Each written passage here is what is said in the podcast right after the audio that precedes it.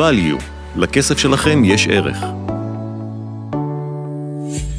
סדרת תוכניות בתחום כלכלת המשפחה, והפעם, איך תייצרו יציבות כלכלית ותעברו לצמיחה פיננסית.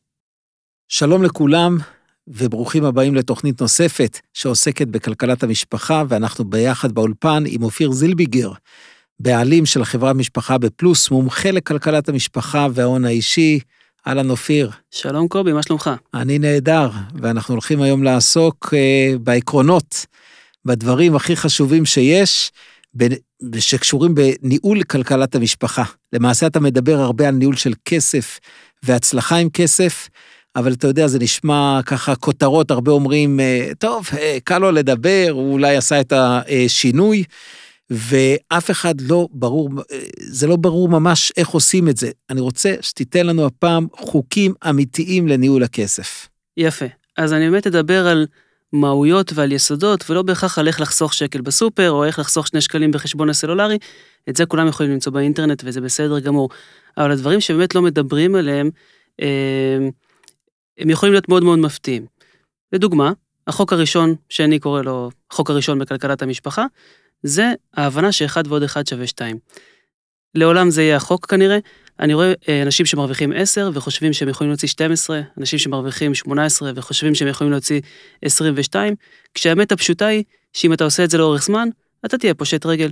ואם מישהו יודע לחשב נוסחה אחרת, שאחד ועוד אחד לא שווה 2 לפחות, אה, בהקשר הזה של הוצאות והכנסות, אז אה, כנראה שהוא יקבל פרס נובל או משהו כזה. זאת אומרת, העיקרון הראשון, במקסימום אתה יכול להוציא את מה שאתה מכניס.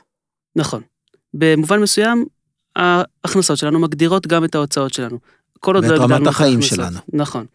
הכלל השני אומר שמה שלא פשוט, פשוט לא יהיה. כמו בכל דבר, גם בכלכלת המשפחה, אם אין לי פרקטיקה מסודרת של ניהול הכסף, כנראה שאני לא אנהל אותו. אם אני לא יודע מה אני עושה כל יום, איפה אני מדווח, מה לדווח בכלל, איפה לרשום, כמה שעות בשבוע אני צריך לנהל את הכסף, אני צריך לשבת על זה עם אשתי, אני לא צריך לשבת עם אשתי, אם אני כבר יושב איתה, מה, על מה אנחנו צריכים לדבר.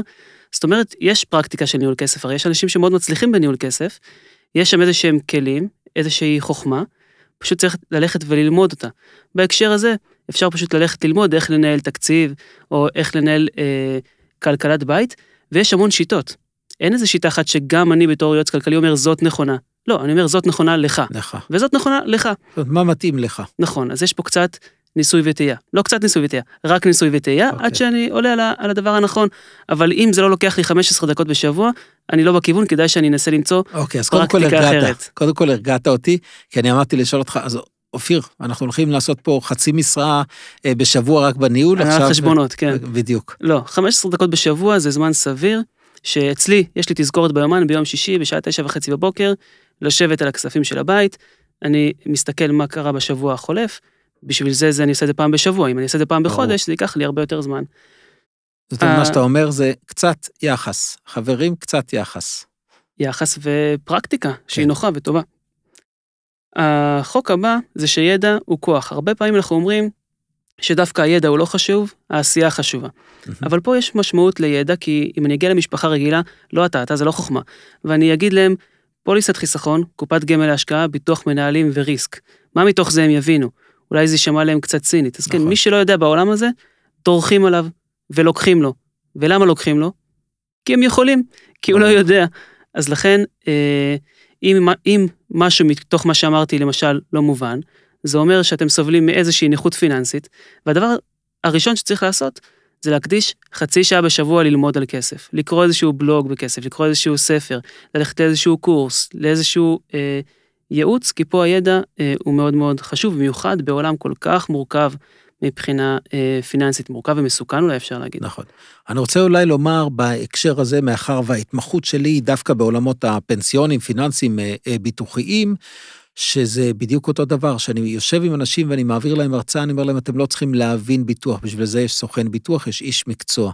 אתם צריכים להבין את התחום ואתם צריכים לדעת לשאול שאלות. ברגע שהצד השני יודע שאתם יודעים לשאול את השאלות הנכונות, ההתייחסות היא אחרת. הוא מתייחס אליכם אחרת, הוא מבין, אוקיי, לא יושב מולי מישהו שאני יכול אה, למרוח אותו, נכון. ואוטומטית ההתנהלות, וכנראה תשלמו הרבה פחות. נכון. כלל נוסף, שהוא חוק חשוב, זה האם אני בחשיבת עוני או חשיבת עושר. עכשיו, כשאני אומר עני ועשיר, זה לא דווקא בן אדם שיש לו הרבה כסף או בן אדם שיש לו קצת כסף, זה בן אדם שככה הוא חושב.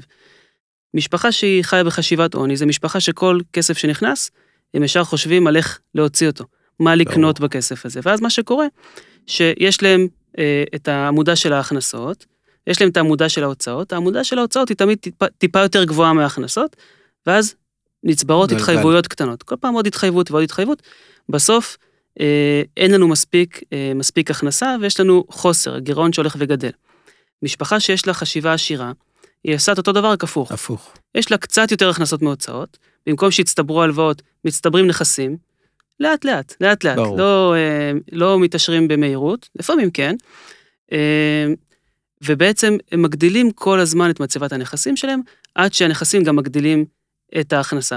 זאת חשיבת העושר, ואני ממליץ לכל משפחה עכשיו לשאול את עצמה, רגע, באיזה מעגל אני עובד? האם אני במעגל העוני, או שאני עובד במעגל העושר? חוק נוסף, האמת שיש 200 חוקים, לפני. אנחנו צריכים פה תוכנית ארוכה. נכון.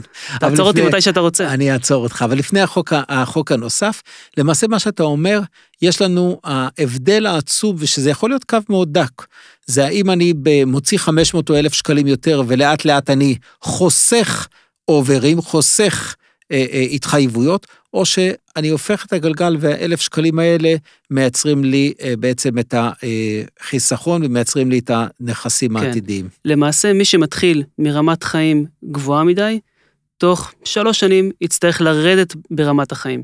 מי שמתחיל ברמת חיים שהיא נמוכה יותר, כאילו ההוא שהוא קצת מתקמצן, ברור. דווקא הוא בהדרגה יעלה את רמת החיים. לעצמו. נכון. נהדר. אמ, דבר נוסף שאני רוצה לדבר עליו זה עניין, עניין של בחירה. כולנו רוצים הרבה מהכל, אנחנו רוצים לעזור לילדים, רכב גדול, דירה, שיפוצים, אה, שיהיה לנו חיסכון, להיות בנתינה, רוצים חופשה, אבל גם כשיש לך הרבה כסף, אתה עדיין לא יכול לקנות הכל. ברור. אתה עדיין חייב להיות בבחירה. והעניין הוא שלא לבחור, זאת הבחירה לשלם מחיר ב- בכולם. אז זה עניין שאני צריך uh, פשוט להיות, להיות מודע אליו, שלא משנה כמה כסף יהיה לי, אני תמיד אצטרך לקבל החלטות ולבחור בין, uh, בין דברים. והדבר האחרון שנדבר עליו ב, uh, בתוכנית הזאת, יש עוד ממש המון דברים שבא לי להגיד, אבל אני חושב כן. שגם צריך בסוף להתכנס לאיזשהו uh, זמן סביר, זה שהעתיד מגיע.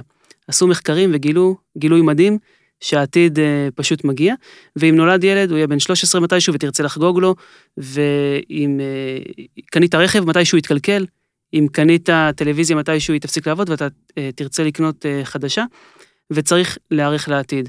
זאת אומרת שההתייחסות שלנו לניהול הכלכלי, הוא לא יכול להישאר רק ברובד של השוטף, הוא חייב להסתכל קדימה. בואו עכשיו אתם כמשפחה, ניתן פה משהו פרקטי, תשבו, ישיבה משפחתית או זוגית, ותשימו עכשיו את החיים שלכם חמש שנים קדימה.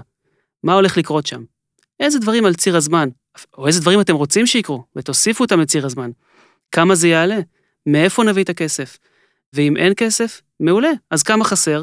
עכשיו בואו נתכנן תוכנית. מה עושים? מה עושים כדי שיהיה? אפשר לעשות, לא צריך להיות, uh, לעמוד חסרי אונים מול הדבר הזה. ואז מה שקורה זה שאני שולט, אני קובע, לא החיים קובעים לי, אני קובע ואני מתכנן את העתיד שלי. נהדר. אז אה, אם אנחנו רוצים, אה, כמו שאמרת, קודם כל יש באמת לא מעט חוקים ובטח יהיו לנו עוד אה, תוכניות ונוכל אה, להרחיב עליהן. בסופו של דבר, המטרה של הפרויקט הזה, שאנחנו מעלים פודקאסטים בכלל, בעולמות אה, של הביטוח, בעולמות mm-hmm. הפנסיונים ובעולמות של כלכלת המשפחה ומשכנתאות ופרישה וכולי, זה לתת לכם המון ידע והמון כלים שבעזרתם תבינו את המטריה. ומשם תוכלו לקבל החלטות שהן יותר נכונות ולהתנהל בצורה הרבה יותר נכונה. אופיר, תודה, היה מרתק. תודה רבה.